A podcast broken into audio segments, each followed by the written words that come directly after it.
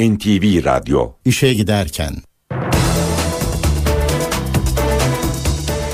Mutlu sabahlar. Ben Aynur Altunkaş. Bugün 21 Kasım Çarşamba. İşe giderkenle karşınızdayız. Saat 9'a kadar Türkiye ve dünya gündemindeki gelişmeleri, gazete manşetlerini, piyasa verilerini, yol ve hava durumlarını aktaracağız. Önce gündemin öne çıkan başlıklarına bakalım.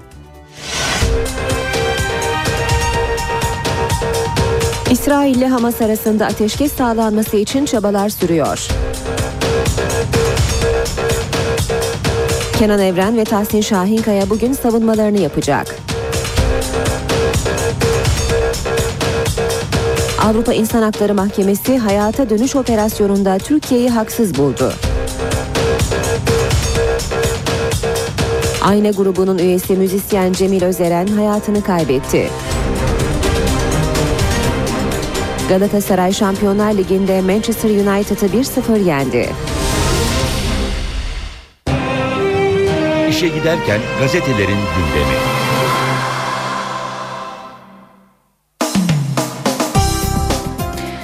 Basın özetlerine Milliyet gazetesiyle başlıyoruz. Milliyet'te manşet bunu da gördük netekim. 12 Eylül'den 32 yıl sonra o dönemin kudretli paşaları Kenan Evren ve Tahsin Şahinkaya hasta yatağında da olsa yargı karşısına çıktı. Ankara 12. Ağır Ceza Mahkemesi'nde görülen 12 Eylül davasının ilk duruşmasına 94 yaşındaki Evren Ankara, 87 yaşındaki Şahinkaya ise İstanbul Gata'daki odalarına kurulan görüntülü sistemle katıldı. Salondaki LCD ekranlara önce boş yatakların görüntüsü geldi. Ardından üzerlerindeki siyah triko kazaklarla iki paşa yataklarına uzanıp üzerlerini örttü. Evren aylık gelirinin 13.300, Şahinkaya ise 6.800 lira olduğunu söyledi. Netekim ifadesiyle özdeşleşen Evren'in kimlik tespiti sırasında hakimi evet efendim diye onaylaması dikkat çekiciydi. İddianame okunurken paşaların gözleri kapandı. Müdahil avukat Kavili, Başkan Bey sanıklar uyuyor efendim diye bağırdı. Bu sözler salondakileri güldürdü.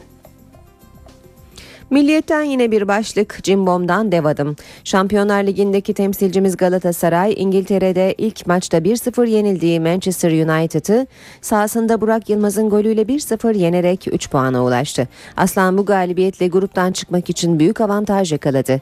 7 puana yükselen Cimbom ikinci sıradaki yerini korudu. Sarı Kırmızılar son maçta Braga önünde alacağı her sonuçta Avrupa yoluna devam edecek. Geçiyoruz Hürriyet gazetesine. Hürriyette manşet arazide er kalmadı. Genelkurmay Başkanlığı yıllardır uygulanan ve tartışma konusu olan terörle aktif mücadelede az eğitimli geçici askerlerin kullanılmasına ilişkin konsepti değiştirdi. Kısa ve uzun dönem, dönem vatani görevini yapan askerler artık arazide terörle mücadelede çatışma bölgelerindeki görevlerden çekildi. Çatışmalarda profesyonel erbaş, uzman çavuş, az subay ve subaylar görev alacak. Devam ediyoruz Hürriyet gazetesinden aktarmaya. Hüngür hüngür Dışişleri Bakanı Ahmet Davutoğlu İsrail'in bombardıman altındaki Gazze'de halkla buluştu. Hastanede ölen yakınına ağlayan bir Gazze ile Gazze'li ile gözyaşı döken Davutoğlu Allah şahit olsun ki sizi yalnız bırakmayacağız dedi. Beklenen ateşkes dün gece çıkmadı. Geçiyoruz Sabah gazetesine son durak başlığını manşette görüyoruz. İşte demokrasinin zaferi darbeciler diktatörler yatağa düşmüş olsalar bile eninde sonunda yargının karşısına çıkıp hesap veriyor demiş Sabah gazetesi. İsrail'in yaptığı etnik temizlik başlığını görüyoruz. Başbakan Erdoğan'ın sözleri başlıkta Ey Batı 4 yaşındaki çocuğu öldürmek meşru savunma mı? Nerede sizin adaletiniz? Vatan gazetesiyle devam ediyoruz. Vatanda manşet Havacılar çakıldı. Hava Kuvvetleri Komutanlığı'nda görevli 5 assubay aynı rütbedeki 400 silah arkadaşını kar payı dağıtacağız vaadiyle 5 milyon lira dolandırdı deniyor haberin ayrıntılarında. Sürmanşette ise Başbakan Erdoğan'ın sözü var. Öleceksek adam gibi ölelim. İsrail'e karşı egemen güçlerin ağzına bakarsak halimiz perişan diyen Erdoğan, Mısır, Katar ve Suudi Arabistan'ı bu sözlerle ortak mücadeleye çağırdı. Eğer samimiysen küreciyi kapat CHP lideri Kılıçdaroğlu'nun sözleri İsrail saldırıyor sen Arap Birliği'ne Avrupa Birliği'ne Filistinlilere kızıyorsun Gazze için bir şey yapmak istiyorsan Malatya Kürecik'teki füze kalkanını askıya al. Hemen altında da Devlet Bahçeli'nin sözlerini görüyoruz. One Minute efelenmesi başlığıyla MHP liderinin sözleri Erdoğan'ın temelsiz tehditleri dün olduğu gibi bugün de hiçbir şeye hizmet etmeyecek. One Minute efelenmesinin ve mizanseninin kredisi çoktan tükenmiştir. Radikal gazetesiyle devam edelim. Radikal'de manşet Hakim Bey sanık uyuyor. 12 Eylül darbecileri Kenan Evren ve Tahsin Şahinkaya telekonferans yöntemiyle de olsa hakim karşısındaydı. İddianame okunurken Şahinkaya uyuyakalınca avukatlar heyeti uyardı. Sayın Başkan sanık uyuyor. Üçüncü havalimanı yeşil kalmalı. İstanbul'a üçüncü havalimanı projesinin Amerikalı mimarı Rasek'in açıklamalarını görüyoruz. Önerim oraya havalimanı dışında başka bina yapılmaması. Bir başka haber, yargıda Avrupa İnsan Hakları Mahkemesi paketi geliyor. Avrupa İnsan Hakları Mahkemesi'ndeki mahkumiyetleri azaltacak paketle ünlü Türk Ceza Kanunu'nun 301. maddesi kalkabilir ya da bakanın yetkisi bir komisyona verilebilir. Savunmaya, savcıya karşı silahların eşitliğini sağlamak da hedefte. Cumhuriyet gazetesi var sırada. Lafı bırak üstü kapat demiş manşetinde e, Cumhuriyet. CHP Erdoğan'a samimiysen İsrail'i koruyan küreciyi askıya al çağrısında bulundu. CHP Genel Başkanı Kılıçdaroğlu'nun sözlerini görüyoruz. Obama'ya Arap Birliği'ne, Birleşmiş Milletler'e, Avrupa Birliği'ne ve en sonunda Filistinlilere kızan Erdoğan'a seslendi Kılıçdaroğlu.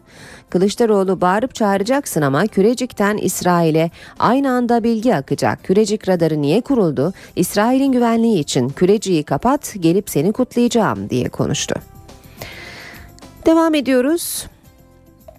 Cumhuriyet'ten bir başlık daha Öcalan tek muhatap. AKP çok başlılık olmamasından memnun. Açlık grevlerinin bitirilmesini sağlayan Öcalan'ın öne çıkışı AKP'de çok başlılık yerine tek bir muhatap her zaman daha iyidir görüşüyle memnuniyetle karşılandı. BDP ve hükümet kanadında Öcalan'la avukat görüşü yerine milletvekili heyetinin gönderilmesi formülü tartışılıyor. Cumhuriyet gazetesinden aktardık. Geçiyoruz Habertürk gazetesine. Kamu hizmetine ana dil geliyor demiş manşeti Habertürk'ün. Ana dilde savunmadan sonra bir açılım daha. Kamu hizmetinde ana dil kullanımının yolunu açan yasa içinde çalışma başlatıldı. Bir diğer başlık Ayna veda etti. 90'lara damgasını vuran Ayna'nın Üyesi Cemil Özeren karaciğer sirozundan öldü. Özeren'in cenaze töreni bugün öğlen Fatih Camii'nde yapılacak. Devam ediyoruz basın özetlerine. Zaman gazetesine bakalım. Bombardıman altında ateşkes arayışı. Bir haftadır ateş altındaki Gazze dün tarihi bir gün yaşadı. Türkiye, Mısır, Filistin, Katar, Tunus, Fas, Lübnan, Ürdün, Irak ve Sudan'ın Dışişleri Bakanları bölgeyi ziyaret ederek ateşkes arayışlarına destek verdi. Heyet saldırılarda ölenlerin yakınları ve yaralılarla kucaklaştı. İsrail'in hava saldırıları ise gün boyunca devam etti. Dünkü saldırılarda ikisi gazeteci 27 Filistinli öldü. Yeni Şafak gazetesiyle devam edelim. Öleceksek adam gibi ölelim sözünü başbakanın Yeni Şafak'ta da manşette görüyoruz. Başbakan Gazze katliamına sessiz kalan batılı ülkelere ve Birleşmiş Milletler'e sert sözlerle yüklendi. Egemen güçler nerede sizin adaletiniz, nerede iki devletli çözüm? Güvenlik Konseyi'ndeki daimi üyelerin ağzına bakarak adım atacak olursak bizim halimiz perişandır. Bugün onlara, yarın bize. Bunu böyle bilin. Öleceksek adam gibi ölelim. Bunu da bilin. Ve son olarak akşam gazetesine bakacağız. Acem, aşır, Acem aşıran mafyası. İranlı suçluların paraları İstanbul'a havalandı. İran-Türkiye hattında organize işler. Polisin bastığı döviz bürosu profesör lakaplı İranlı mafya lideri Bahruz'un ofisi çıktı. Manzara korkunç. Bahruz Sahra'nın suç makinelerini servetleriyle birlikte İstanbul'a kaçırmış. NTV Radyo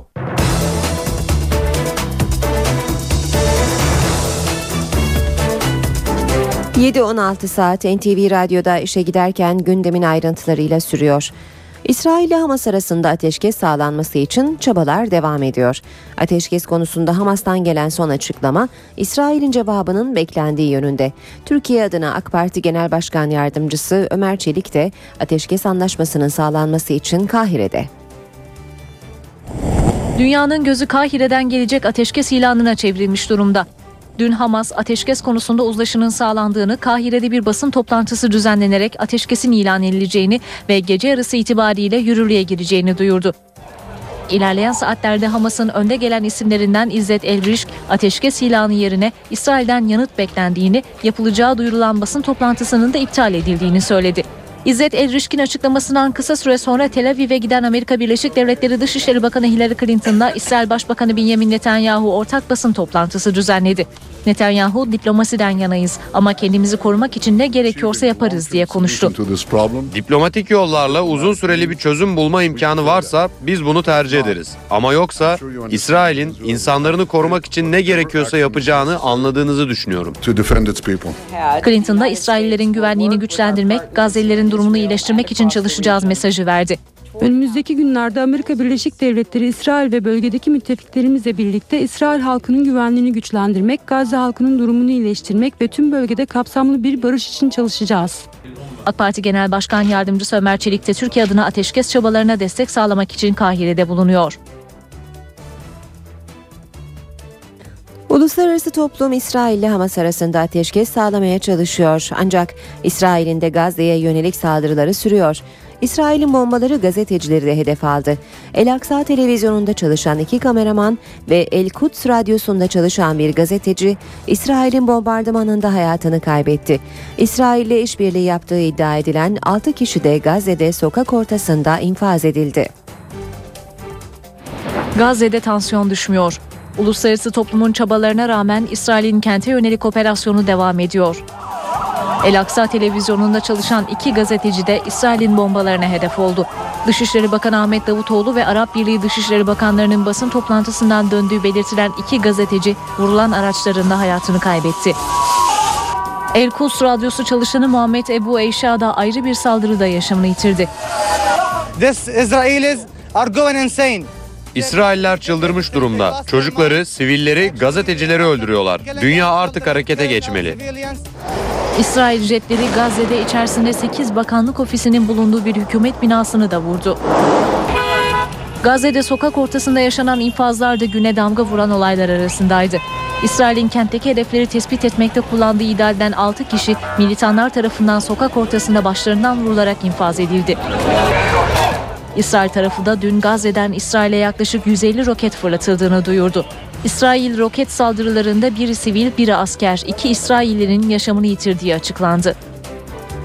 Dışişleri Bakanı Ahmet Davutoğlu, Arap Birliği Genel Sekreteri ve Arap Birliği üye ülkelerin Dışişleri Bakanları ile Gazze'deydi. Bakanlar İsrail saldırılarında yaralanan Filistinlileri hastanede ziyaret etti.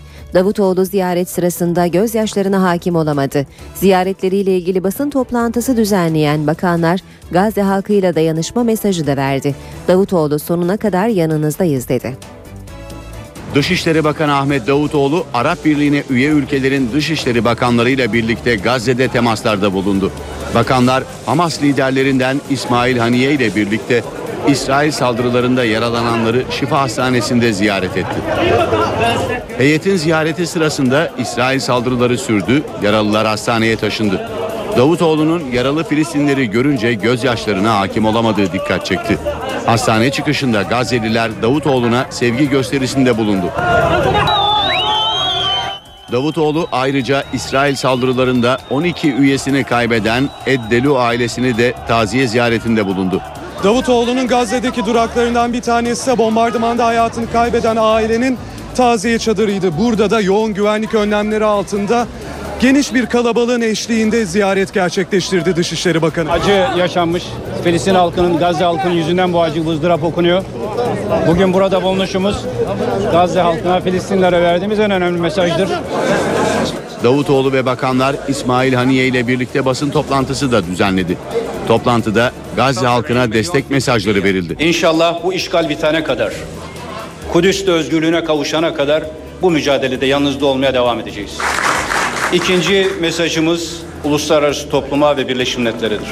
Sizler İsrail'in bu zulümlerine sessiz kalabilirsiniz. Hatta bu zulümleri meşru gösterecek açıklamalar da yapabilirsiniz. Ama bilin ki insanlık vicdanı ve tarih İsrail'in bu zulmünü mazur görenleri hiçbir zaman affetmeyecektir. Ankara'da siyasilerin grup toplantılarında öne çıkan madde Gazze saldırıları oldu. Başbakan Erdoğan Filistin'e sırtımızı dönmeyeceğiz dedi. İsrail savunma hakkını kullanıyor diyen batılı ülkelere tepki gösterdi. Başbakanın kullandığı öleceksek adam gibi ölelim sözleri grup toplantısına damgasını vurdu. Güvenlik Konseyi'ndeki daimi üyelerin ağzına bakarak adım atacak olursak bizim halimiz perişandır. Bugün onlara, yarın bize. Bunu böyle bilin. Öleceksek adam gibi ölelim.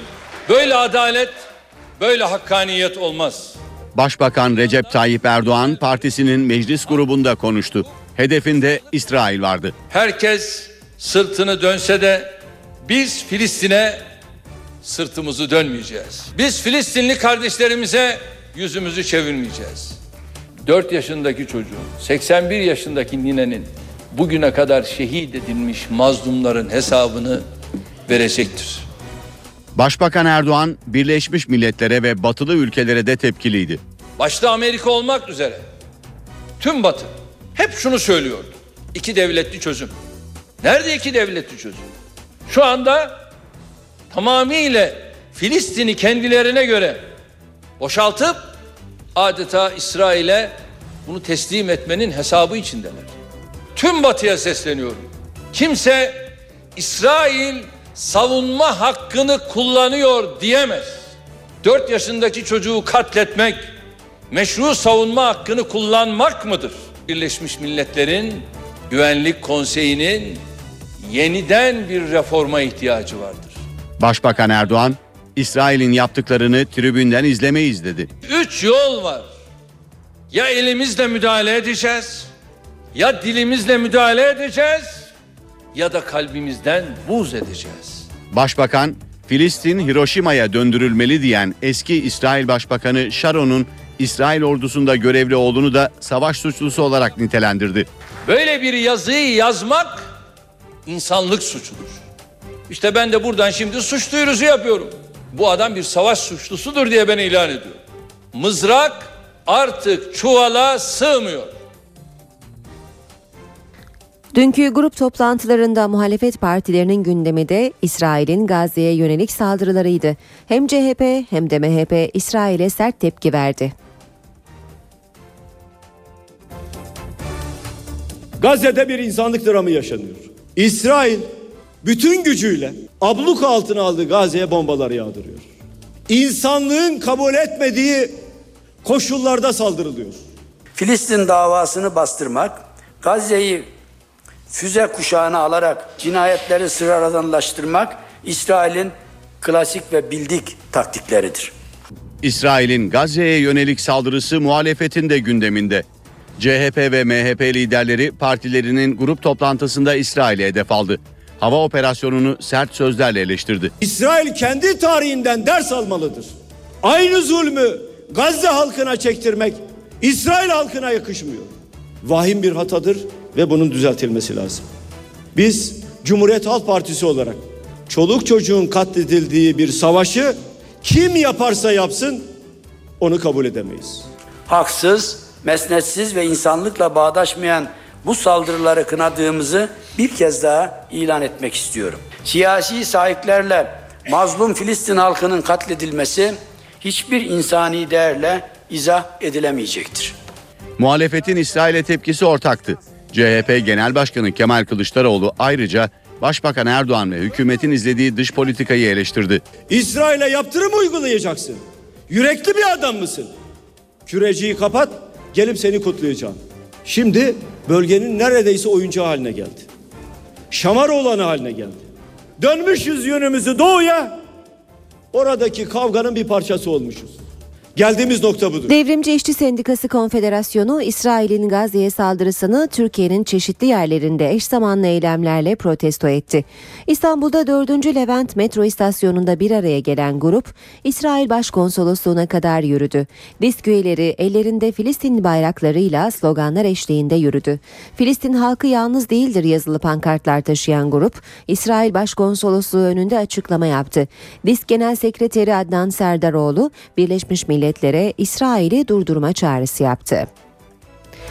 Gazze'ye iki yıl önce yardım götürürken İsrail ordusunun operasyon yaptığı Mavi Marmara gemisinde yaşananların yeni görüntüleri ortaya çıktı. İsrail görüntüleri sildiğini sanıyordu. Kanada'da yapılan teknik çalışmayla bazı görüntüler kurtarıldı. 31 Mayıs 2010 Mavi Marmara gemisine İsrail askerlerinin baskın anı. Gemide bulunan aktivistler bir yandan İsrail askerlerinin açtığı ateşten kurtulmaya çalışıyor, bir yandan da yaralılara müdahale ediyor. Cengiz Songür'e kalp masajı yapılıyor. Bunlar Kanadalı aktivist Kevin Nash'in bilgisayarında yer alan ve ortaya yeni çıkarılan görüntüler. Aslında İsrail askerleri bu görüntüleri sildi. Ancak Kanada'da yapılan bir çalışmayla hard diskteki görüntüler kurtarıldı. Kanadalı aktivistin olay anında çektiği görüntüler çarpıcı. İsrail askerleri botlarla gemiye yanaşırken ateş açmaya başlıyor. Gemide bulunanlar silahlı saldırıya sapanla karşılık veriyor. Ayrıca sık sık tekbir sesleri yükseliyor. Acil doktor.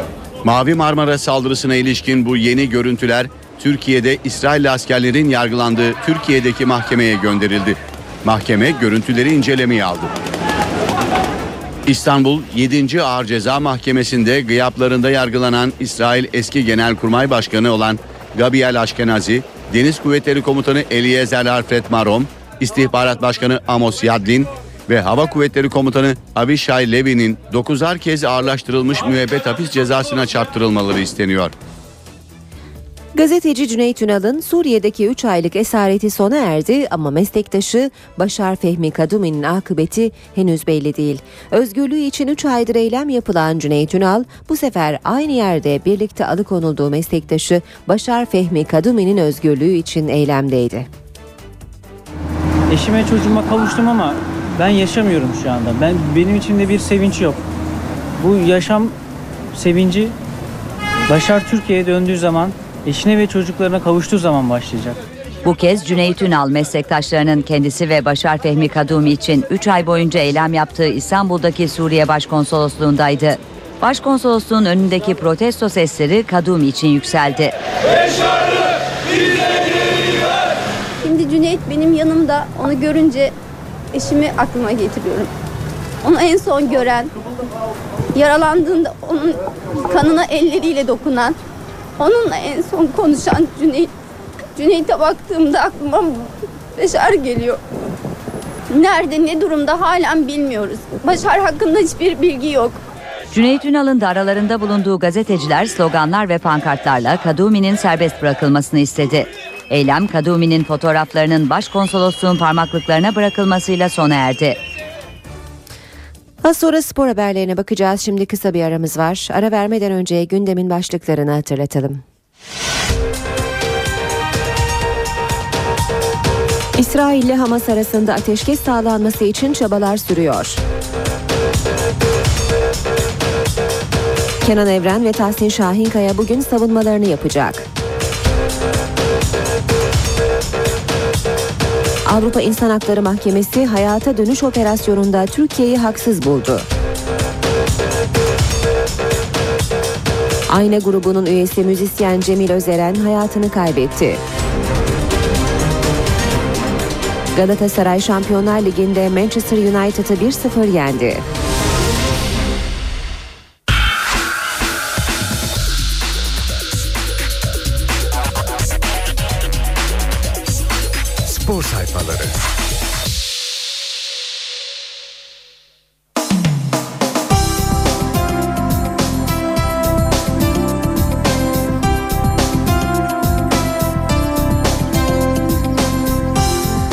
Spor haberleriyle işe giderken devam ediyor saat 7.37. Sabah gazetesinin spor sayfalarını çevirerek başlayalım bu bölüme.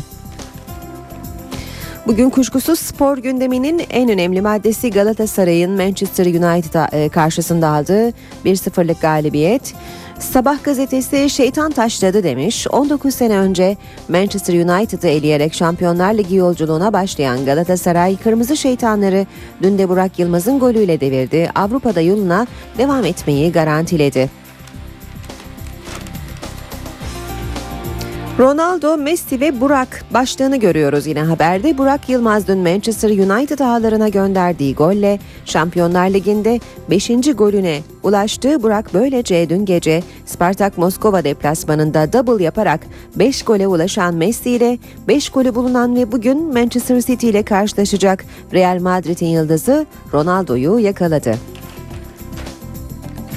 Başbakan'a teşekkür başlığını görüyoruz. Grup ikinciliği için çok ümitlendiklerini belirten Terim, maçtan önce kendilerini arayan Başbakan Erdoğan'a da teşekkür etti. Aslan yine tarih yazdı. Galatasaray Manchester United'ı ilk kez yendi. Kupa bir e, Kupa 1'deki 138. maçında 50. zaferini elde etti. Beşiktaş ve Fener'in toplam galibiyet sayısına tek başına ulaştı denmiş bu haberde de. Devam ediyoruz yine bu habere bağlı bir başlık Burak Yılmaz parasını çıkarttı. Bonservisine 5 milyon euro ödenen Burak Yılmaz Şampiyonlar Ligi'nde 5 golle 2 galibiyet bir beraberlik aldırdı. Bunlar için 2,5 milyon euro almaya hak kazanan Cimbom gruptan çıkarsa kasasına 3,5 milyon euro daha koyacak. Sabah gazetesinden aktarmaya devam edelim. Okyanusu aşan tebrik Manchester United maçını Amerika'dan takip eden Galatasaray Başkanı Aysal galibiyet sonrası terimi arayarak hocam seni ve tüm takımı tebrik ediyorum gözlerinizden öperim dedi. Bir başka haberle devam edelim. İhmal değil talihsizlik İsmail Köybaşı'nın 5 ay 20 gün sonra bu kez idmanda çapraz bağlarının kopmasını hocası ve doktorlar böyle yorumladı. Bir diğer başlık şahmat. Aykut Kocaman Marsilya maçında hesaplarını puan değil zafer üzerine kuruyor. Beraberlik yeter ancak galip gelip işi bitirin. Rakibin tüm hamlelerine karşılık verirsek dirençleri düşer. Sabah gazetesinden aktardık. Geçelim Hürriyet gazetesinin spor sayfalarına. Şeytan cehennemi gördü demiş Hürriyet'te. Cimbom diz çöktürdüğü devler listesine Manchester United'ı da ekledi. Galatasaray Burak Yılmaz'ın kafa golüyle İngiliz ekibini tarihinde ilk kez yendi. Avrupa Ligi'ni garantilerken Şampiyonlar Ligi'nde üst tur için büyük avantajı Braga yolculuğu öncesi cebine indirdi. İpler Galatasaray'ın elinde. UEFA Avrupa Ligi'ni garantileyen Sarı Kırmızılılar 5 Aralık'ta deplasmanda Braga'yı yenerse gruptan çıkacak. Burak'ın eşi benzeri yok. Tüm puanları tek başına attığı gollerle kazandırdı. 2,5 milyon euro getirdi. Şampiyonlar Ligi'nde 5 gol atan 4 isimden biri oldu. Zafer cepleri de doldurdu. Galatasaraylı futbolcular dün geceki tarihi Manchester United galibiyetiyle 50'şer bin doların sahibi oldular. Yine Hürriyet gazetesinden aktarmaya devam edelim. Manchester'ın yediği, yedeği de altın.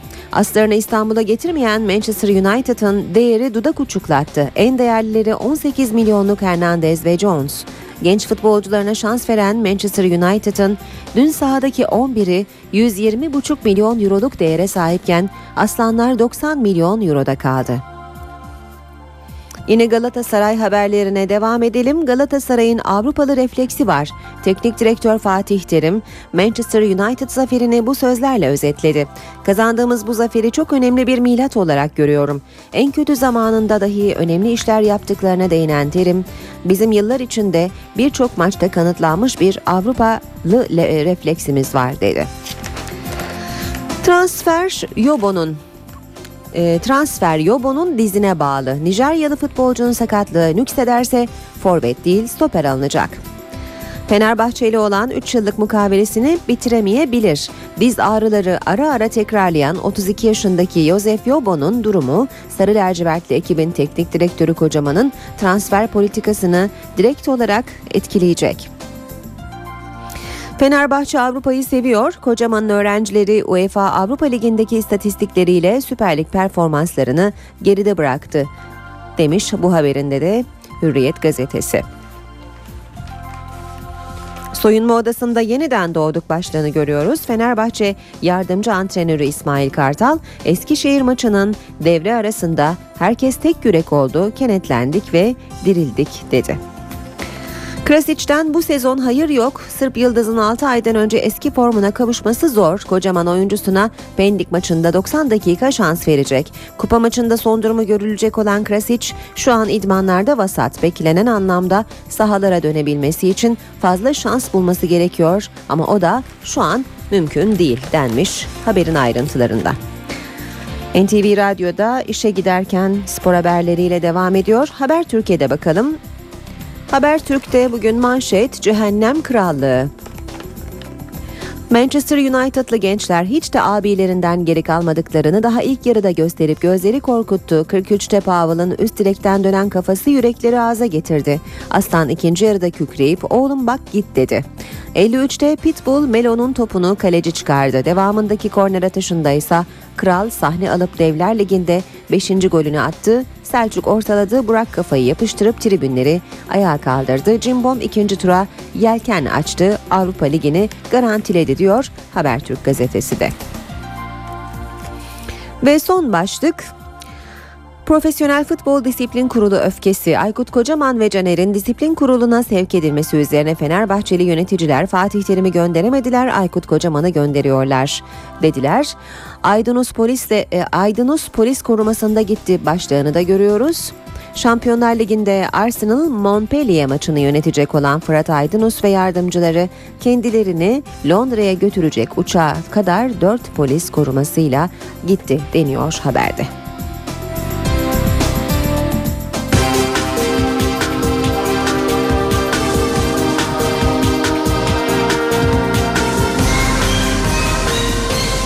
Giderken. Şimdi İstanbul trafiğindeki son duruma bakalım. Bugün İstanbul'da yağış da var bu nedenle bazı olumsuzlukları da beraberinde getiriyor yağış trafikte. Birkaç kaza var. D100'de Gülsuyu Kartal yönünde maddi hasarlı bir trafik kazası meydana geldi. Bir şerit trafiğe kapalı durumda. Bu arada Tem'de Fatih Sultan Mehmet Köprüsü Avrupa Anadolu e, geçişinde yol bakım çalışmalarının saat 10 itibariyle başlayacağını hatırlatalım. Devam edelim yine e, bu sefer Boğaziçi Köprüsü'ne bakalım. Boğaziçi Köprüsü'nde e, kalan bir araç var. Zincirli kuyu, e, kuyu yönünde e, kalan bir araç var ve bu nedenle de bu bölgede trafik olumsuz etkileniyor. Tem'de e, yine bir olumsuzluk görüyoruz. Tekstil kent Mahmut Bey yönünde yaralanmalı bir trafik kazası var. Bu kaza nedeniyle bir şerit trafiğe kapalı durumda. Sahil yolunda da Bakırköy yan yol Zeytinburnu yönünde yaralanmalı bir trafik kazası var. Bu kaza nedeniyle bölge trafiği olumsuz etkileniyor. Bir başka e, olumsuzluk da Akşemsettin Viyadüğü Metris yönünde Tem otoyolunda burada da yaralanmalı bir trafik kazası olduğu haberini aldık. Bölge trafiği bu kaza sebebiyle etkileniyor. Boğaziçi Köprüsü Anadolu Avrupa geçişinde Çamlıca itibarıyla yoğun seyrediyor ve köprü çıkışında da bir süre yoğun olarak devam ediyor. Ters yönde ise kalan araç sebebiyle trafik oldukça yoğunlaşmış durumda. Fatih Sultan Mehmet Köprüsü Anadolu Avrupa geçişinde yoğunluk Ataşehir'den itibaren başlıyor. Ümraniye'de yoğunluk artıyor ve Kavacık çıkışı hatta köprü girişine kadar da çok yoğun olarak trafik devam ediyor. Tam otoyolunda köprü yönünde Akşemsettin Viyadüğü'nden Maslak Kavşağı'na kadar da yine yoğun bir trafik olduğunu söyleyelim. O üçle de bitirelim. Mahmut Bey Doğu Kavşağı'ndan Hale kadar oldukça yoğun bir trafik var ve bu yoğunluk çift yönlü olarak devam ediyor. Yeni bir haber daha ulaştı elimize. D100'de Gülsuyu Kartal yönünde meydana gelen bir kazayı da sizlere aktaralım. Bu kaza nedeniyle de E5 trafiği oldukça yoğun seyrediyor.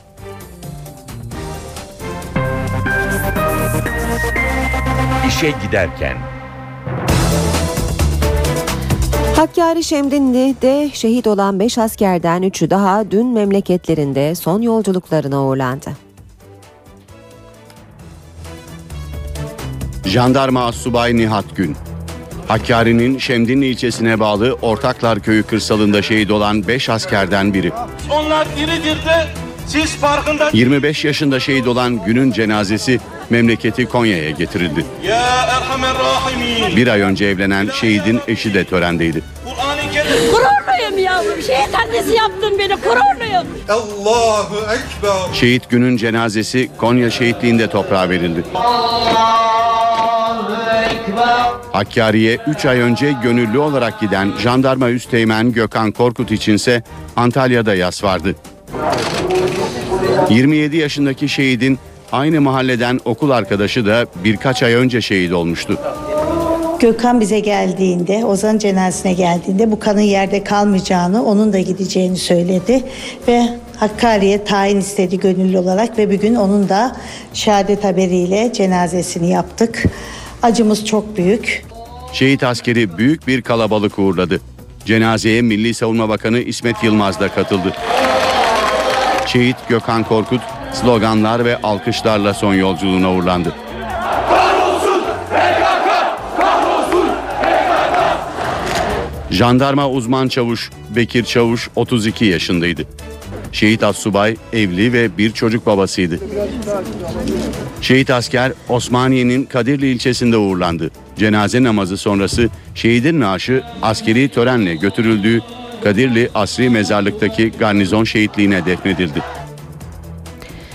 12 Eylül davasının iki sanığı Kenan Evren ve Tahsin Şahinkaya video konferans yöntemiyle de olsa ilk kez hakim karşısına çıktı. Dünkü duruşmada iddianame okundu. Bugünse iki isim haklarındaki suçlamalara yanıt verecek, savunmalarını yapacak. kaybolan devlet otoritesini yeniden tesis etmek için yönetime el koymak zorunda kalmıştır. 12 Eylül davasının iki sanığı Kenan Evren ve Tahsin Şahinkaya ilk kez hakim karşısına çıktı. Ama video konferans yöntemiyle. Sağlık sorunları bulunan Evren Ankara, Şahinkaya ise İstanbul Gata'da hasta yatağında soruları yanıtladı. Mahkeme salonuna kurulan monitörlere ilk olarak Şahinkaya'nın görüntüsü yansıdı. Ardından da Evren'in. Her iki isim de yatakta yarı oturur pozisyondaydı. Oturarak ifade 12 Eylül mağduru eski bakan Yaşar Okuyan'ın tepkisine neden oldu. Görüntü bir gidiyor, bir geliyor. Ufacık ekran.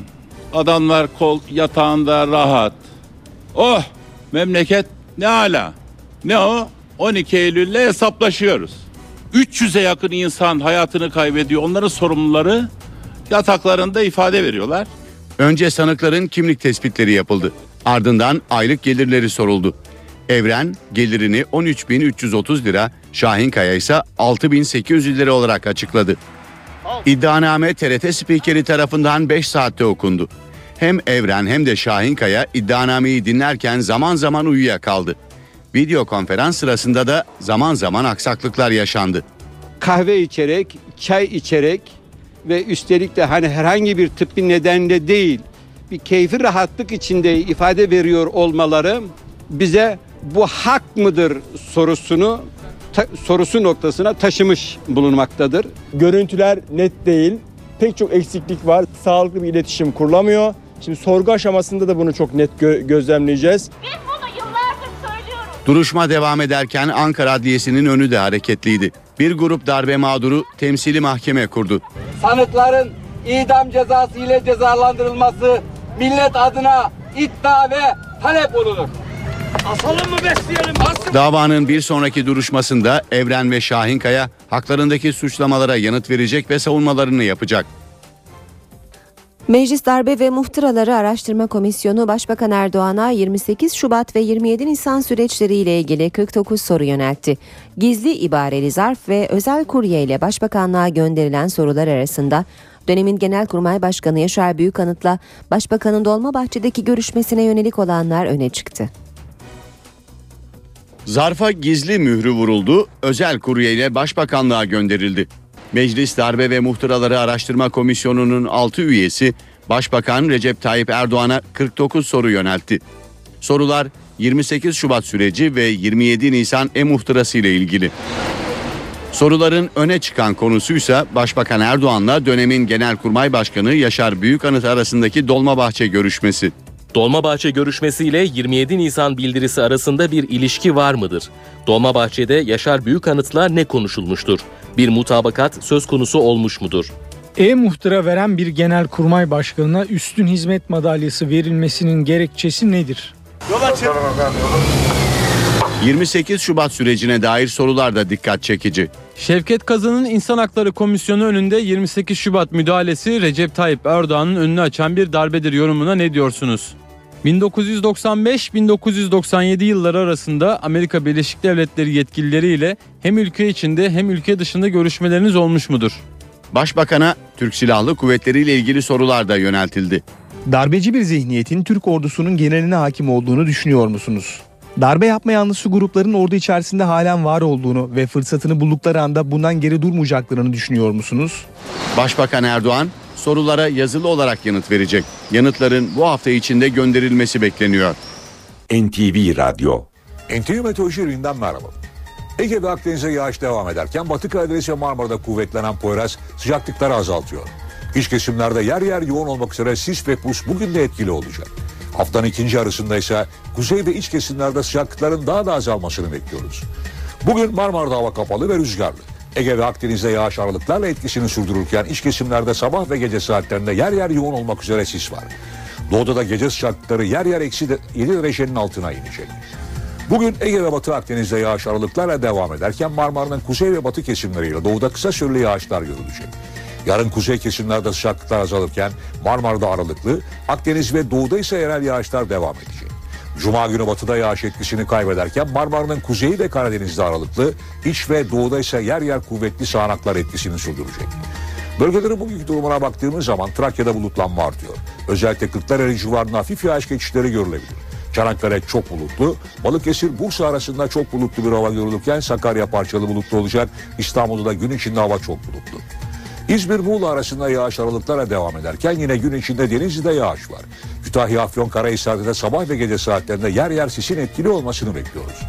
Isparta Antalya arasında yağış aralıklarla devam ederken Mersin çok bulutlu, Adana'da ise hava parçalı bulutlu olacak.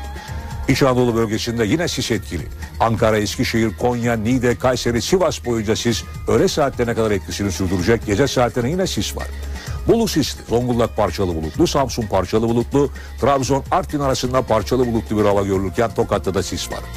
Malatya açık az bulutlu, Erzurum, Kars arasında parçalı bulutlu bir hava görülürken Manakkale arasında gün içinde aralıklarla yağış görülecek. Gaziantep, Adıyaman, Diyarbakır, Şanlıurfa, Mardin'de hava parçalı bulutlu olacak ve Şanlıurfa'da sıcaklık 19 derece olarak ölçülecek. İstanbul bulutlanıyor. Akşam ve perşembe günü yağmur geçişleri var. Sıcaklık gece 12 dereceye giderken Cuma günü hava daha da soğuk olacak. Ankara'da pus devam ediyor ve hava soğuk. Sıcaklık gündüz 10 gece ise 2 dereceye kadar inecek. İzmir'de yağmur yarın etkisini kaybedecek ve sıcaklık gündüz 19, gece ise 10 derece olacak.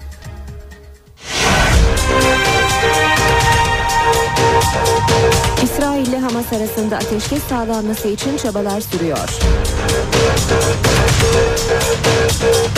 Kenan Evren ve Tahsin Şahinkaya bugün savunmalarını yapacak. Avrupa İnsan Hakları Mahkemesi hayata dönüş operasyonunda Türkiye'yi haksız buldu. Ayna grubunun üyesi müzisyen Cemil Özeren hayatını kaybetti. Galatasaray Şampiyonlar Ligi'nde Manchester United'ı 1-0 yendi.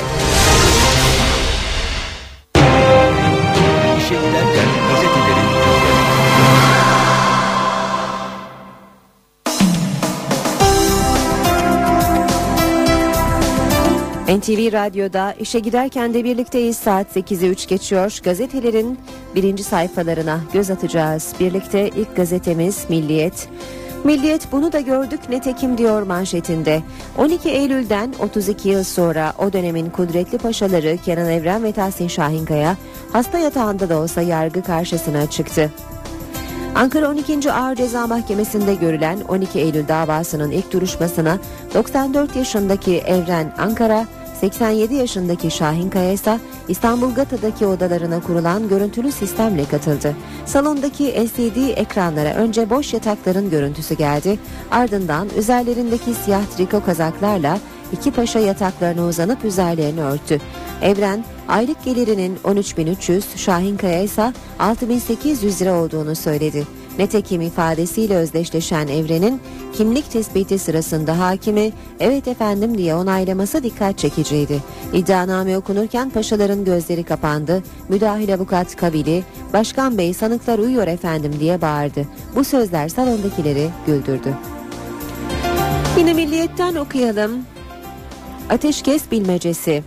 İsrail'in Gazze'ye yönelik hava saldırılarının 7. gününde ateşkes çabaları sonuç vermedi. Mısır Devlet Başkanı Muhammed Mursi'nin dün akşam saatlerinden itibaren ateşkesin an meselesi olduğunu duyurmasına rağmen İsrail Hamas'ın ateşkes için şartlar içeren önerisine cevap vermedi. Gazze gece boyunca denizden ve havadan ağır bombardımana maruz kalırken 24 saat içinde 27 kişi daha can verdi.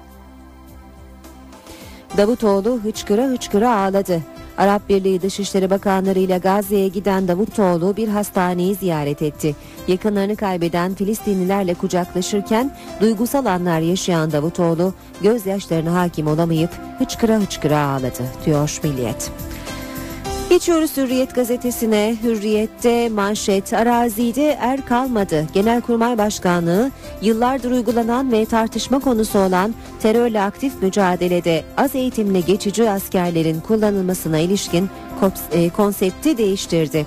Kısa ve uzun dönem vatani görevini yapan askerler artık arazide terörle mücadelede çatışma bölgelerindeki görevlerden çekildi. Çatışmalarda profesyonel erbaş, uzman çavuş, az subay ve subaylar görev alacak. Profesyonel kadroya 1500 kişinin başvurduğu ifade ediliyor. Bir diğer başlık Aslansın Galatasaray Şampiyonlar Ligi'ndeki 5. maçında Manchester United'ı 1-0 yendi. 3 puanı getiren golü 52. dakikada Burak attı. Sarı Kırmızılar bir üst tura çıkma şansını önemli ölçüde arttırdı. Sabah gazetesiyle devam edelim. Sabahta son durak manşetini görüyoruz. İşte demokrasinin zaferi darbeciler diktatörler yatağa düşmüş olsalar bile eninde sonunda yargının karşısına çıkıp hesap veriyor. Bir diğer gazete Vatan, vatanda sürmanşet öleceksek adam gibi ölelim.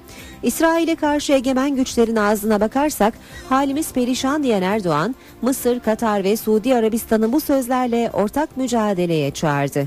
Gazze'deki etkin etnik temizliği meşru savunma olarak nitelendirmek, İsrail'i yüreklendirmekten başka hiçbir amaca hizmet etmez. Ey Batı, ey Amerika, ey Rusya, ey Çin, Fransa, İngiltere size sesleniyorum.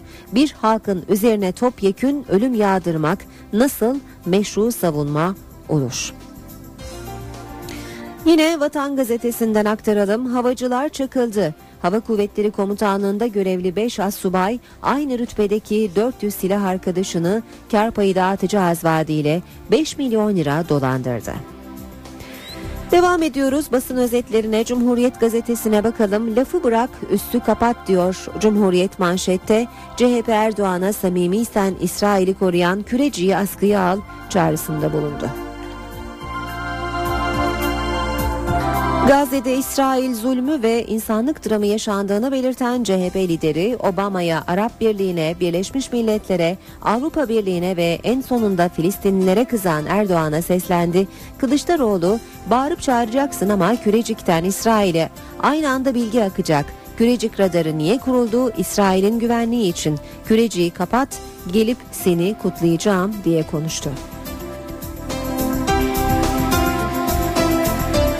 Devam ediyoruz basın özetlerine Cumhuriyet'in ardından geçelim. Radikal gazetesine Radikal'de manşet Hakim Bey sanık uyuyor. 12 Eylül darbecileri Kenan Evren ve Tahsin Şahinkaya telekonferans yöntemiyle de olsa hakim karşısındaydı. İddianame okunurken Şahinkaya uyuyakalınca uyuklayınca avukatlar heyeti uyardı. Sayın Başkan sanık uyuyor. Devam ediyoruz. Basın özetlerine geçelim Habertürk gazetesine. Habertürk'te kamu hizmetine ana dil geliyor başlığını manşette görüyoruz. Ana dilde savunmadan sonra bir açılım daha. Kamu hizmetinde ana dil kullanımının yolunu açan yasa içinde çalışma başlatıldı. Bir diğer başlık Ayna veda etti. 90'lara damgasını vuran Ayna'nın üyesi Cemil Özeren Karaciğer sirozundan öldü. Özer'in cenaze töreni bugün öğlen Fatih Camii'nde yapılacak. Habertürk'ün sür manşeti ise Avrupa'da aslan Galatasaray Manchester United'ın havasını Kral Burak'la indirdi. Tur kapısını araladı deniyor haberin ayrıntılarında.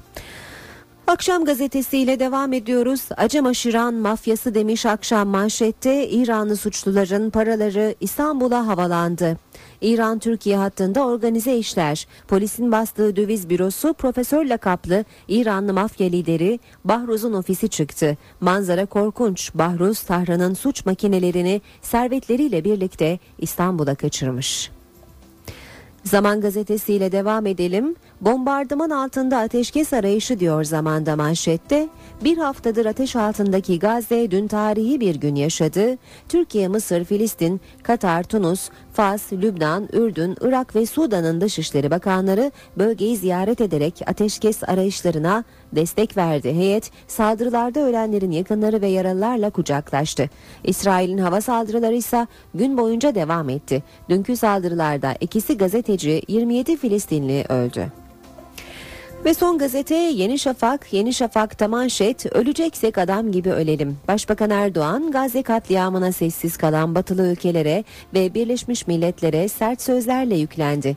Egemen güçler nerede sizin adaletiniz, nerede iki devletli çözüm? Güvenlik konseyindeki daimi üyelerin ağzına bakarak adım atacak olursak bizim halimiz perişandır. Bugün onlara, yarın bize bunu böyle bilin. Öleceksek adam gibi ölelim bunu da bilin. 8-16 saat NTV Radyo'da işe giderken gündemin öne çıkan gelişmeleriyle sürüyor. Uluslararası toplum İsrail ile Hamas arasında ateşkes sağlamaya çalışıyor. Ancak İsrail'in de Gazze'ye dönük saldırıları sürüyor. İsrail'in bombaları gazetecileri de hedef aldı. El Aksa televizyonunda çalışan iki kameraman ve El Quds radyosunda çalışan bir gazeteci İsrail'in bombardımanında hayatını kaybetti. İsrail ile işbirliği yaptığı iddia edilen 6 kişi de Gazze'de sokak ortasında infaz edildi. Gazze'de tansiyon düşmüyor. Uluslararası toplumun çabalarına rağmen İsrail'in kente yönelik operasyonu devam ediyor. El Aksa televizyonunda çalışan iki gazeteci de İsrail'in bombalarına hedef oldu. Dışişleri Bakanı Ahmet Davutoğlu ve Arap Birliği Dışişleri Bakanlarının basın toplantısından döndüğü belirtilen iki gazeteci vurulan araçlarında hayatını kaybetti. El Kuds radyosu çalışanı Muhammed Ebu Eyşa da ayrı bir saldırıda yaşamını yitirdi. This Israelis are going insane. İsrailler çıldırmış durumda. Çocukları, sivilleri, gazetecileri öldürüyorlar. Dünya artık harekete geçmeli. İsrail jetleri Gazze'de içerisinde 8 bakanlık ofisinin bulunduğu bir hükümet binasını da vurdu. Gazze'de sokak ortasında yaşanan infazlar da güne damga vuran olaylar arasındaydı. İsrail'in kentteki hedefleri tespit etmekte kullandığı iddia edilen 6 kişi militanlar tarafından sokak ortasında başlarından vurularak infaz edildi. İsrail tarafı da dün Gazze'den İsrail'e yaklaşık 150 roket fırlatıldığını duyurdu. İsrail roket saldırılarında biri sivil, biri asker, iki İsraillinin yaşamını yitirdiği açıklandı. Dışişleri Bakanı Ahmet Davutoğlu, Arap Birliği Genel Sekreteri ve Arap Birliği üye ülkelerin Dışişleri Bakanlarıyla Gazze'deydi. Bakanlar İsrail saldırılarında yaralanan Filistinlileri hastanede ziyaret etti. Davutoğlu ziyaret sırasında gözyaşlarına hakim olamadı. Ziyaretleriyle ilgili basın toplantısı düzenleyen bakanlar Gazze halkıyla dayanışma mesajı da verdi. Davutoğlu sonuna kadar yanınızdayız dedi. Dışişleri Bakanı Ahmet Davutoğlu Arap Birliği'ne üye ülkelerin dışişleri bakanlarıyla birlikte Gazze'de temaslarda bulundu. Bakanlar Hamas liderlerinden İsmail Haniye ile birlikte İsrail saldırılarında yaralananları Şifa Hastanesi'nde ziyaret etti. Heyetin ziyareti sırasında İsrail saldırıları sürdü, yaralılar hastaneye taşındı. Davutoğlu'nun yaralı Filistinleri görünce gözyaşlarına hakim olamadığı dikkat çekti. Hastane çıkışında Gazze'liler Davutoğlu'na sevgi gösterisinde bulundu. Davutoğlu ayrıca İsrail saldırılarında 12 üyesini kaybeden Eddelu ailesini de taziye ziyaretinde bulundu. Davutoğlu'nun Gazze'deki duraklarından bir tanesi ise bombardımanda hayatını kaybeden ailenin taziye çadırıydı. Burada da yoğun güvenlik önlemleri altında geniş bir kalabalığın eşliğinde ziyaret gerçekleştirdi Dışişleri Bakanı. Acı yaşanmış. Filistin halkının, Gazze halkının yüzünden bu acı ızdırap okunuyor. Bugün burada bulunuşumuz Gazze halkına, Filistinlere verdiğimiz en önemli mesajdır. Davutoğlu ve bakanlar İsmail Haniye ile birlikte basın toplantısı da düzenledi. Toplantıda Gazze halkına destek mesajları verildi. İnşallah bu işgal bitene kadar, Kudüs'te özgürlüğüne kavuşana kadar bu mücadelede yalnızda olmaya devam edeceğiz. İkinci mesajımız uluslararası topluma ve Birleşmiş Milletler'edir. Sizler İsrail'in bu zulümlerine sessiz kalabilirsiniz. Hatta bu zulümleri meşru gösterecek açıklamalar da yapabilirsiniz. Ama bilin ki insanlık vicdanı ve tarih İsrail'in bu zulmünü mazur görenleri hiçbir zaman affetmeyecektir. Ankara'da siyasilerin grup toplantılarında öne çıkan madde Gazze saldırıları oldu. Başbakan Erdoğan Filistin'e sırtımızı dönmeyeceğiz dedi. İsrail savunma hakkını kullanıyor diyen batılı ülkelere tepki gösterdi. Başbakanın kullandığı öleceksek adam gibi ölelim sözleri grup toplantısına damga vurdu. Güvenlik Konseyi'ndeki daimi üyelerin ağzına bakarak adım atacak olursak bizim halimiz perişandır. Bugün onlara, yarın bize. Bunu böyle bilin. Öleceksek adam gibi ölelim. Böyle adalet, böyle hakkaniyet olmaz. Başbakan Recep Tayyip Erdoğan partisinin meclis grubunda konuştu. Hedefinde İsrail vardı. Herkes sırtını dönse de biz Filistin'e sırtımızı dönmeyeceğiz. Biz Filistinli kardeşlerimize yüzümüzü çevirmeyeceğiz. 4 yaşındaki çocuğun, 81 yaşındaki ninenin bugüne kadar şehit edilmiş mazlumların hesabını verecektir. Başbakan Erdoğan Birleşmiş Milletler'e ve batılı ülkelere de tepkiliydi. Başta Amerika olmak üzere tüm Batı hep şunu söylüyor. İki devletli çözüm. Nerede iki devletli çözüm? Şu anda tamamıyla Filistin'i kendilerine göre boşaltıp adeta İsrail'e bunu teslim etmenin hesabı içinde. Tüm batıya sesleniyorum. Kimse İsrail savunma hakkını kullanıyor diyemez. 4 yaşındaki çocuğu katletmek meşru savunma hakkını kullanmak mıdır? Birleşmiş Milletler'in Güvenlik Konseyi'nin yeniden bir reforma ihtiyacı var. Başbakan Erdoğan İsrail'in yaptıklarını tribünden izlemeyiz dedi. Üç yol var. Ya elimizle müdahale edeceğiz, ya dilimizle müdahale edeceğiz, ya da kalbimizden buz edeceğiz. Başbakan Filistin Hiroşima'ya döndürülmeli diyen eski İsrail Başbakanı Sharon'un İsrail ordusunda görevli olduğunu da savaş suçlusu olarak nitelendirdi. Böyle bir yazıyı yazmak insanlık suçudur. İşte ben de buradan şimdi suç duyurusu yapıyorum. Bu adam bir savaş suçlusudur diye ben ilan ediyorum. Mızrak artık çuvala sığmıyor. Dünkü grup toplantılarında muhalefet partilerinin gündemi de İsrail'in Gazze'ye yönelik saldırılarıydı. Hem CHP hem de MHP İsrail'e sert tepki verdi. Gazze'de bir insanlık dramı yaşanıyor. İsrail bütün gücüyle abluk altına aldığı Gazze'ye bombalar yağdırıyor. İnsanlığın kabul etmediği koşullarda saldırılıyor. Filistin davasını bastırmak, Gazze'yi füze kuşağına alarak cinayetleri sıradanlaştırmak İsrail'in klasik ve bildik taktikleridir. İsrail'in Gazze'ye yönelik saldırısı muhalefetin de gündeminde. CHP ve MHP liderleri partilerinin grup toplantısında İsrail'e hedef aldı. Hava operasyonunu sert sözlerle eleştirdi. İsrail kendi tarihinden ders almalıdır.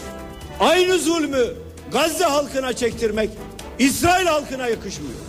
Vahim bir hatadır ve bunun düzeltilmesi lazım.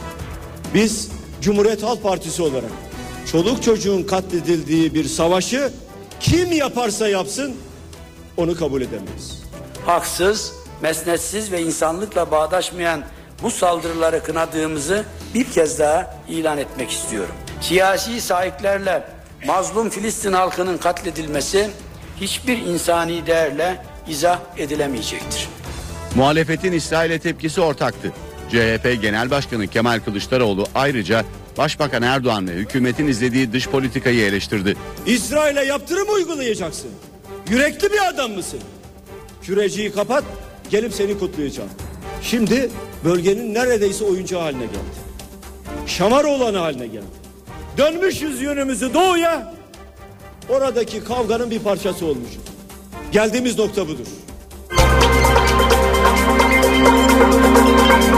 Ankara gündemi.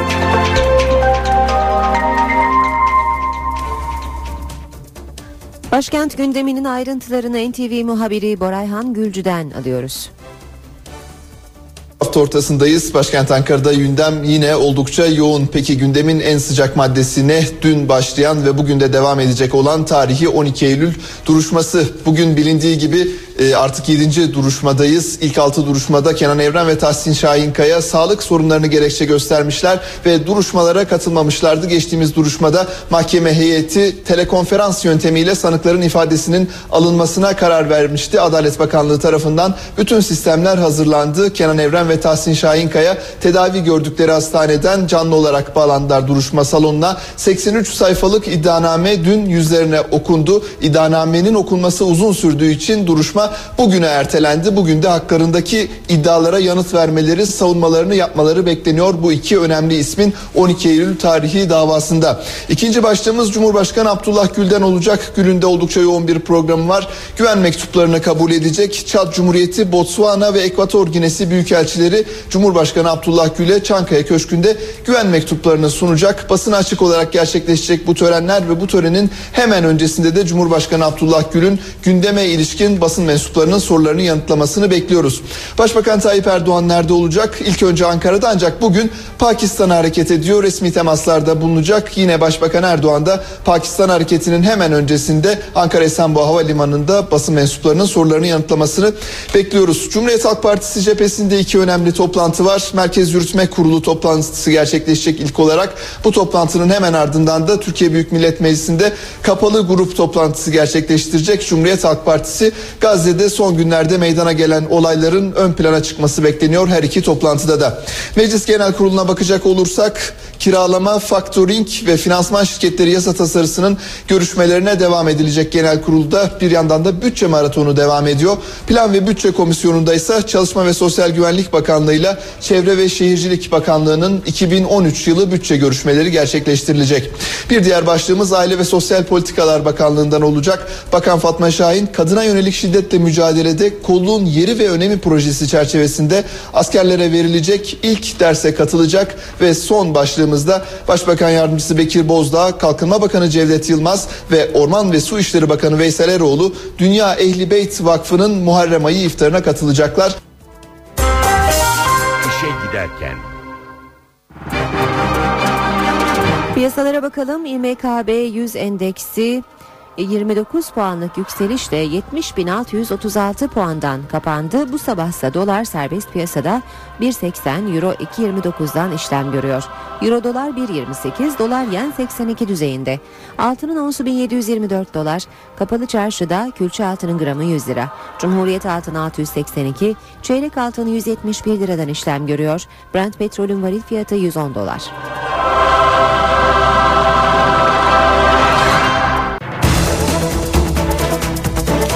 İstanbul trafiğindeki son duruma şimdi bir kez daha bakalım. Erken saatlerde meydana gelen kazalar trafiği olumsuz yönde etkilemişti. Şu sıralarda da özellikle Boğaziçi Köprüsü'nde Anadolu Avrupa geçişinde yoğunluğun devam ettiğini görüyoruz. Libadiye katılımı itibarıyla köprü çıkışına kadar yoğun akan bir trafik var e, Mecidiyeköy'den itibaren de yeniden yoğunlaşıyor ve Çağlayan'a kadar da çok yoğun olarak devam ediyor. Hatta devamında Ayvansaray'a kadar da trafik yavaş seyrediyor. Ters yönde Avrupa Anadolu geçişinde Mecidiyeköy'den başlayan ve köprü çıkışında yerine akıcı bir trafiğe bırakan yoğunluk görüyoruz. Fatih Sultan Mehmet Köprüsü nispeten daha akıcı bir trafiğe sahip Elmalı'da başlayan yoğunluk köprü girişinde sona eriyor. Ancak devamında Seyran Tepe'den başlayan ve Kemerburgaz'a kadar devam eden e, yoğunluk var. Akşemseddin Viyadüğü'nden Mahmut Bey'e kadar da trafik oldukça yoğun seyrediyor. Ters yönde tekstil kentten başlayan ve Maslak kavşağına kadar uzanan çok yoğun bir trafik olduğunu söylemek mümkün. E5 karayolunda Çoban Çeşme Şirin Evler Merter arasında trafik çift yönlü olarak yoğun seyrediyor. Yanı sıra Topkapı Anıt Mezar'dan Ayvansaray'a kadar da yoğun olduğunu görüyoruz. E, trafiğin Küçükçekmece Avcılar arasında da yoğun e, bir trafik olduğunu görüyoruz. Anadolu yakası E5 karayolunda ise Küçük Yalı'dan Koz Yatağı'na uzanan e, çok yavaş ilerleyen bir trafik olduğunu söylemek mümkün. Pendik kavşağında da yine yoğun bir trafik var.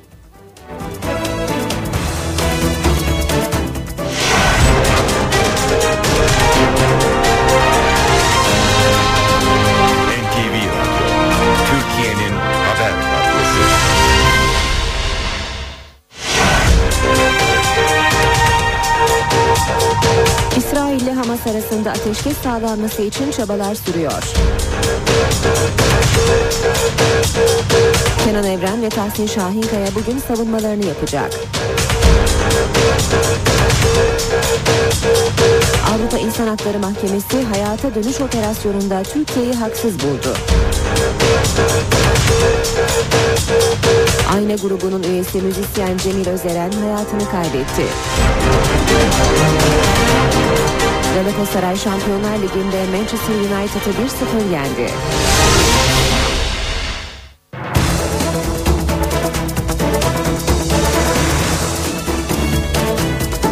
Saat 8.37 NTV Radyo'da işe giderken de birlikteyiz. Gündemin öne çıkan gelişmelerini aktarmaya devam ediyoruz.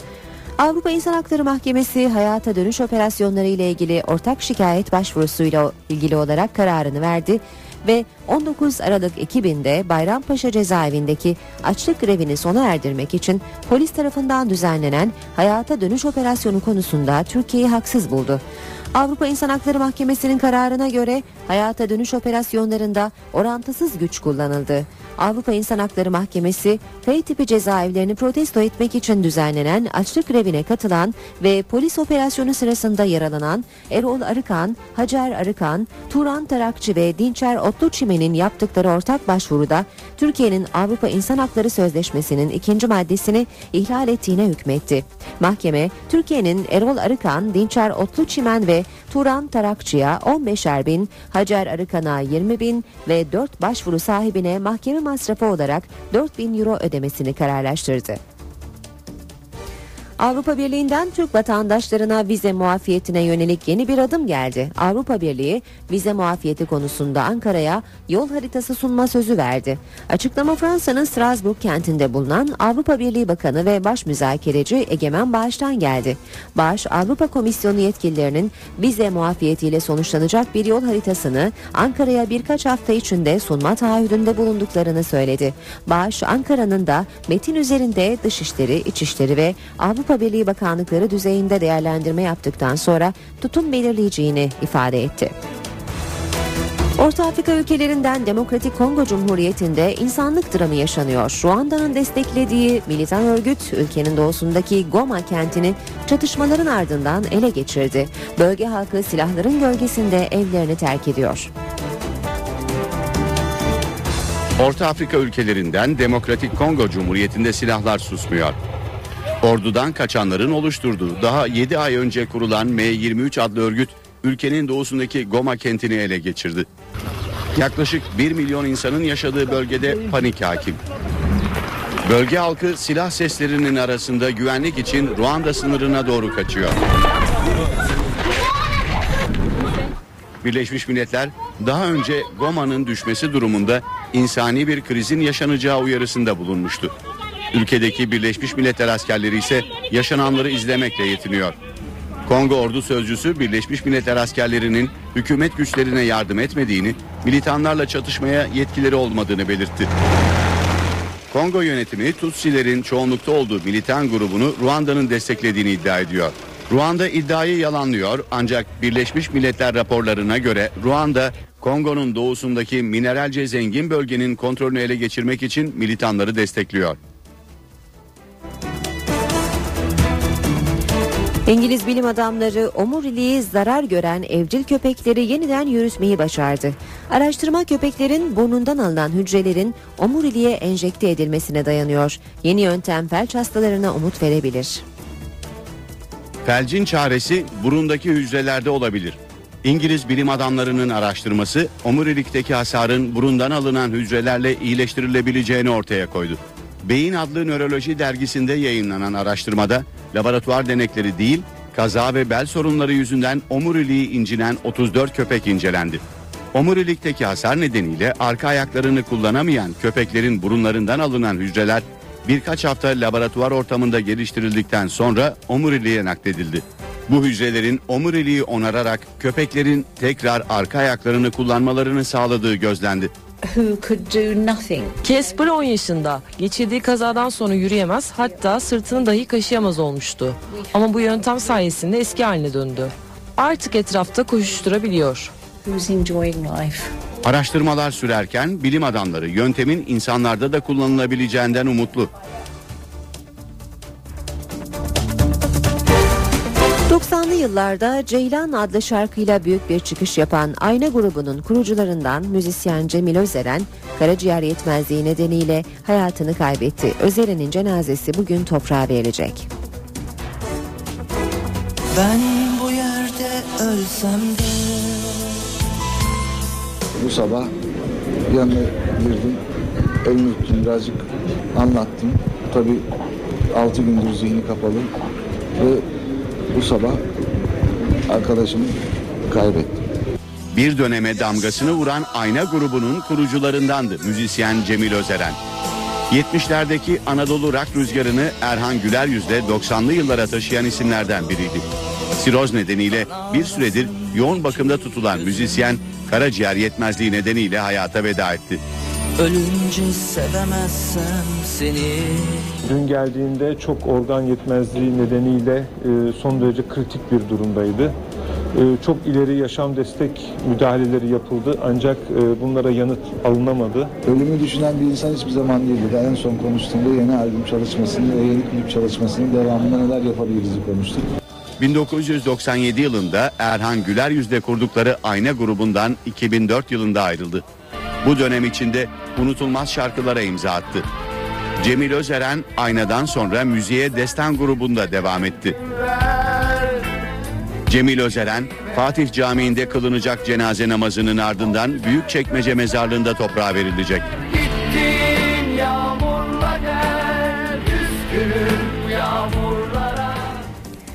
Arabesk müziğin babası Müslüm Gürses'in sağlık durumu günden güne iyiye gidiyor. Doktorları karaciğerdeki sorunların hızla düzeldiğini açıkladı. Sanatçının dostları ve hayranları da dün hastane önündeydi. Vazgeçmem şarkısı. Gerçekten de vazgeçmedi. Arabesk müziğin babası Müslüm Gürses iyileşiyor. her geçen saat çok daha iyi gittiğini görüyoruz. Dün geceyi çok rahat geçirdi. Ee, karaciğer enzimlerinde dramatik bir şekilde düzelme var. Ee, beklediğimizden hızlı düzeldi karaciğeri. Çok sevdim. Geçen perşembe günü kalp ameliyatı olan Gürses, akciğer ve böbrek yetmezliği nedeniyle yoğun bakımda. Ancak durumu iyiye gidiyor. Halen daha yoğun bakımda. Şuuru açık. Akciğerleri toparlıyor. Karaciğeri beklediğimizden daha iyi toparladı.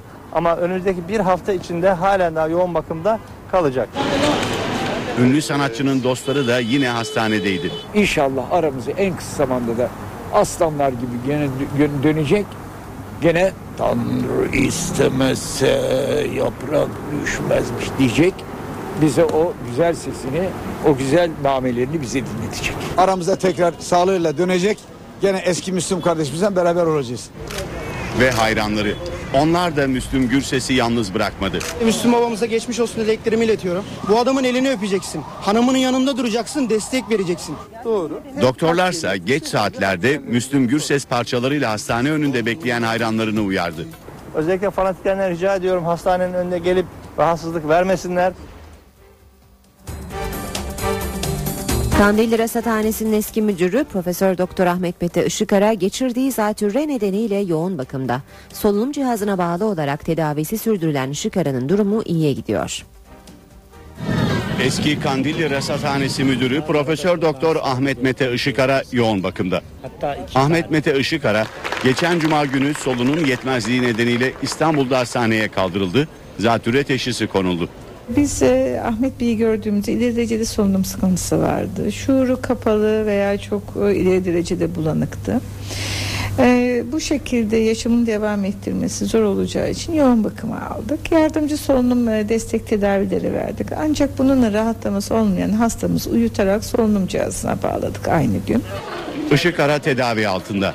Halk arasında zatüre, diğer adıyla pnömoni dediğimiz bir e, rahatsızlığı olduğunu saptadık ve buna uygun olan tedaviye başladık. Bu geçtiğimiz 3-4 gün içerisinde akciğerleri daha iyi geldiği zaman bir gelişme gösterdi. 71 yaşındaki Işık Aran'ın bilinci yerinde. Şu anda Ahmet Bey'i uyutmuyoruz. Şuuru açık, etrafın farkında. E, Bizimle iletişim kuruyor. Profesör Işık Aran'ın sağlık durumu iyiye gidiyor. İşe giderkenin sonuna geldik. Veda etmeden önce gündemin başlıklarını aktaralım. Bugün Gazze saldırısı Türkiye'de olduğu gibi dünyada da öne çıkan konu başlığı. Uluslararası toplumun İsrail ile Hamas arasında ateşkes sağlama çalışmaları devam ederken İsrail'in de Gazze'ye dönük saldırıları sürüyor. İsrail'in son saldırıları bu sefer gazetecilerin hayatına mal oldu. El Aksa televizyonunda çalışan iki kameraman ve El Quds radyosunda çalışan bir gazeteci hayatını kaybetti. Ayrıca Gazze tarafında İsrail'le işbirliği yaptığı iddia edilen 6 kişi sokak ortasında infaz edildi. Türkiye'ye dönecek olursak bugün 12 Eylül davası kapsamında Kenan Evren ve Tahsin Şahinkaya'nın dün başlayan video konferans sistemi aracılığıyla savunmalarını yapmaları bekleniyor. İşe giderkenden bugünle, bugünlükte bu kadar. Ben Aynur Altunkaş. Saat başında gelişmelerle yeniden buluşmak üzere. Hoşçakalın. NTV Radyo